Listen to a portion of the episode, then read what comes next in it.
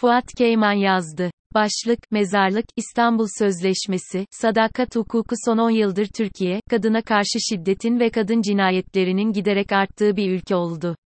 Yapılan araştırmalar, son yıllarda, yaklaşık 4000 kadının öldürüldüğünü ortaya çıkartıyor. Her gün en az bir kadın öldürülüyor. Bu yılın Mayıs ayında 36, Haziran ayında ise 31 kadınımızı kaybettik. Şiddetten öldürmeye kadar kadınların yaşamlarının ciddi tehlikede olduğu bir ülkeye dönüşüyoruz.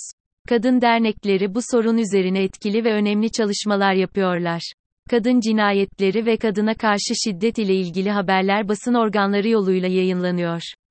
Fakat bu çabalar bu üzücü ve kabul edilemez Türkiye tablosunu ve gerçeğini değiştirmiyor. Aksine, şiddete maruz kalan ya da öldürülen kadınlarımızın sayısı her geçen gün artıyor. Bu sorun, Türkiye'nin çözülmesi gereken temel sorunlarından biri konumuna geliyor.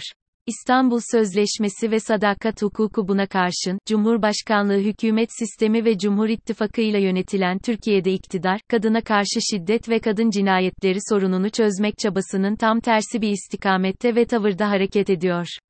Kadına karşı her tür şiddetin ve ev içi şiddetin önlenmesi için kritik önem taşıyan İstanbul Sözleşmesi'ni, kanunlara ve teamüllere aykırı bir şekilde, Cumhurbaşkanlığı kararnamesiyle feshediyor ve yürürlükten kaldırıyor.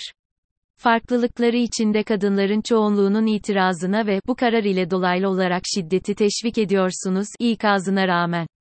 Bu konuda, başta Profesör Feride Acar olmak üzere, Koç Üniversitesi Hukuk Fakültesi Dekanı Profesör Bertil Emrah Öder ve önemli akademisyenler, hukukçular, sivil toplum temsilcileri yaptıkları ciddi çalışmalar temelinde İstanbul Sözleşmesi'nin Cumhurbaşkanlığı kararı ile tek taraflı olarak feshedilemeyeceğini ve tekrardan yürürlüğe sokulması gerektiğini vurgulayan değerlendirmeler yapıyorlar. Bu çabalar da hükümet tarafından dinlenmiyor. Kadın cinayetleri devam ediyor. Bu da, hükümetin yaptığı hatadan dönmesi için bir anlam taşımıyor. Hükümet, kadına karşı şiddete ve kadın cinayetlerine gözünü kapatıyor. Ara ara, kadın cinayetleriyle mücadele için bizim İstanbul Sözleşmesi'ne ihtiyacımız yok türünden açıklamaları duyuyoruz. Giden kadınlarımız geri gelmiyor. Kadınlarımızı kaybetmeye devam ediyoruz. Bu süreçte, Ankara Barosu önemli bir adım atıyor ve Cumhurbaşkanın bu kararının iptali için dava açıyor. Danıştay 10. Dairesi davayı inceliyor ve kabul edilemez bir kararla, davayı iki muhalif üyeye karşı üç oyla reddediyor. Meclisin kanun çıkararak onayladığı uluslararası antlaşmaların Cumhurbaşkanı kararı ile, Türkiye bakımından feshedilebileceği, şeklinde bir içtihadı yaşama geçiriyor. Halbuki yasa açık bir işlem hangi usule uygun tesis edilmişse aynı usule uyularak feshedilmesi gerekmektedir. TBMM'nin uygun bulma kanunuyla yürürlüğe giren bir anlaşmanın feshi ancak TBMM'nin uygun bulma kanunuyla kaldırılması kararı ve Cumhurbaşkanının uygun bulması ile yürürlükten kaldırılacaktır. Sadece Cumhurbaşkanı kararıyla feshedilemez. Uluslararası anlaşmaların feshedilmesine ilişkin işlemler Cumhurbaşkanının yürütme yetkisinde değildir.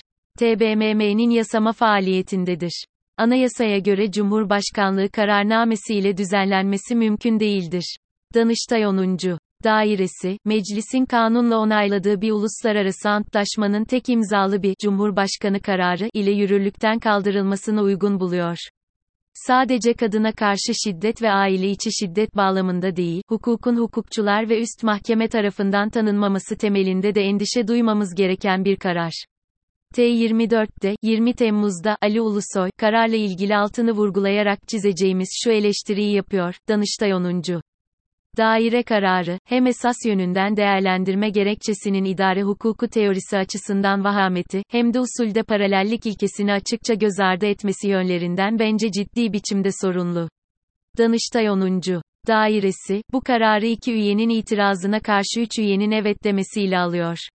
İtiraz eden iki üye, sadece var olan anayasayı ve yasaları hatırlatıyorlar. Var olan yasalar, yukarıda alıntıladığımız gibi, Cumhurbaşkanlığı kararnamesiyle uluslararası anlaşmaların fesi yapılamaz diyor. Nokta. Ama değil, üç üye, yasalar bu kadar açıkken, hukuku tanımlayarak evet oyu kullanıyorlar. Hukuka değil iktidara sadakat, liyakat değil sadakat tercih ediliyor. Sadakat hukuku diyebileceğimiz bir tavır sergileniyor. Nokta. Hukuk siyasallaşırken, sadakat hukuku liyakat hukukunun yerini alıyor. Kadınların her gün öldürüldüğü ve şiddet gördüğü bir dönemde, Danıştay, İstanbul Sözleşmesi'nin fesini böylece uygun görüyor. Mezarlık politik yolda, Sezin Öney'in ve Gamze Pamukateşli'nin yazılarında vurguladıkları gibi, şüphesiz ki, hukuk mücadelesi ve siyasal mücadele devam edecektir. Hukuk alanında, Avrupa İnsan Hakları Mahkemesi'ne kadar her yol ve ilgili her kurum denenecektir. Siyasal mücadelede, başta kadın örgütleri olmak üzere, siyasi partiler, sivil toplum örgütleri, düşünce kuruluşları ve üniversiteler tarafından yapılacaktır. İstanbul Sözleşmesi ile ilgili tüm bu süreç yaşanırken, kadın cinayetlerini ele alan ve dört bölümden, hikayeden oluşan Netflix dizisi, Mezarlık'ı izledim.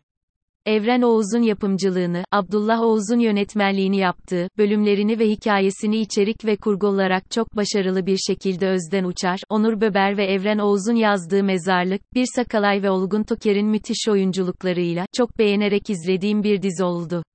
Bir gerilim ve polisiye dizi olarak, ki ülkemizde çok örneğini bulamıyoruz, Mezarlık, hikayesi ve kurgusuyla üst düzeyde ve Türkiye'den de bu alanda çok iyi işler çıkar dedirtiyor. Son dönemde çok beğenerek izlediğim dizilerden biri oldu. İzlenmesi zor, çünkü kadın cinayetlerine odaklanıyor ve bu konuda erkek egemen toplumsal ve kurumsal yapının yarattığı engeller içinde başarılı olmanın zorluğu, çabaları anlatıyor. Hukukun ve kurumların erkek egemen yapısının bu sorunun çözümünde ciddi bir engel olduğunu izliyorsunuz. Ama, mücadele önemli. Faili meçhul cinayetlerin arşivlendiği ve en alt katta bir yere atılan bir odada, ki bu niteliği içinde mezarlık olarak adlandırılıyor, bir grup polis büyük bir çaba ve mücadele içinde kadın cinayetlerinin üzerine gidiyorlar ve çözüyorlar. Kurgusu, hikayesi ve oyunculuğu çok başarılı mezarlık izlenmesini tavsiye ederim. Danıştay 10 dairesinin hukuku ve var olan yasaları hiçe sayarak aldığı karara karşı, mezarlık, kadına karşı şiddetin bitmesi için mücadele devam edecek mesajını veriyor. Erkek egemen hukuk sadakat hukukuyla birleşse de,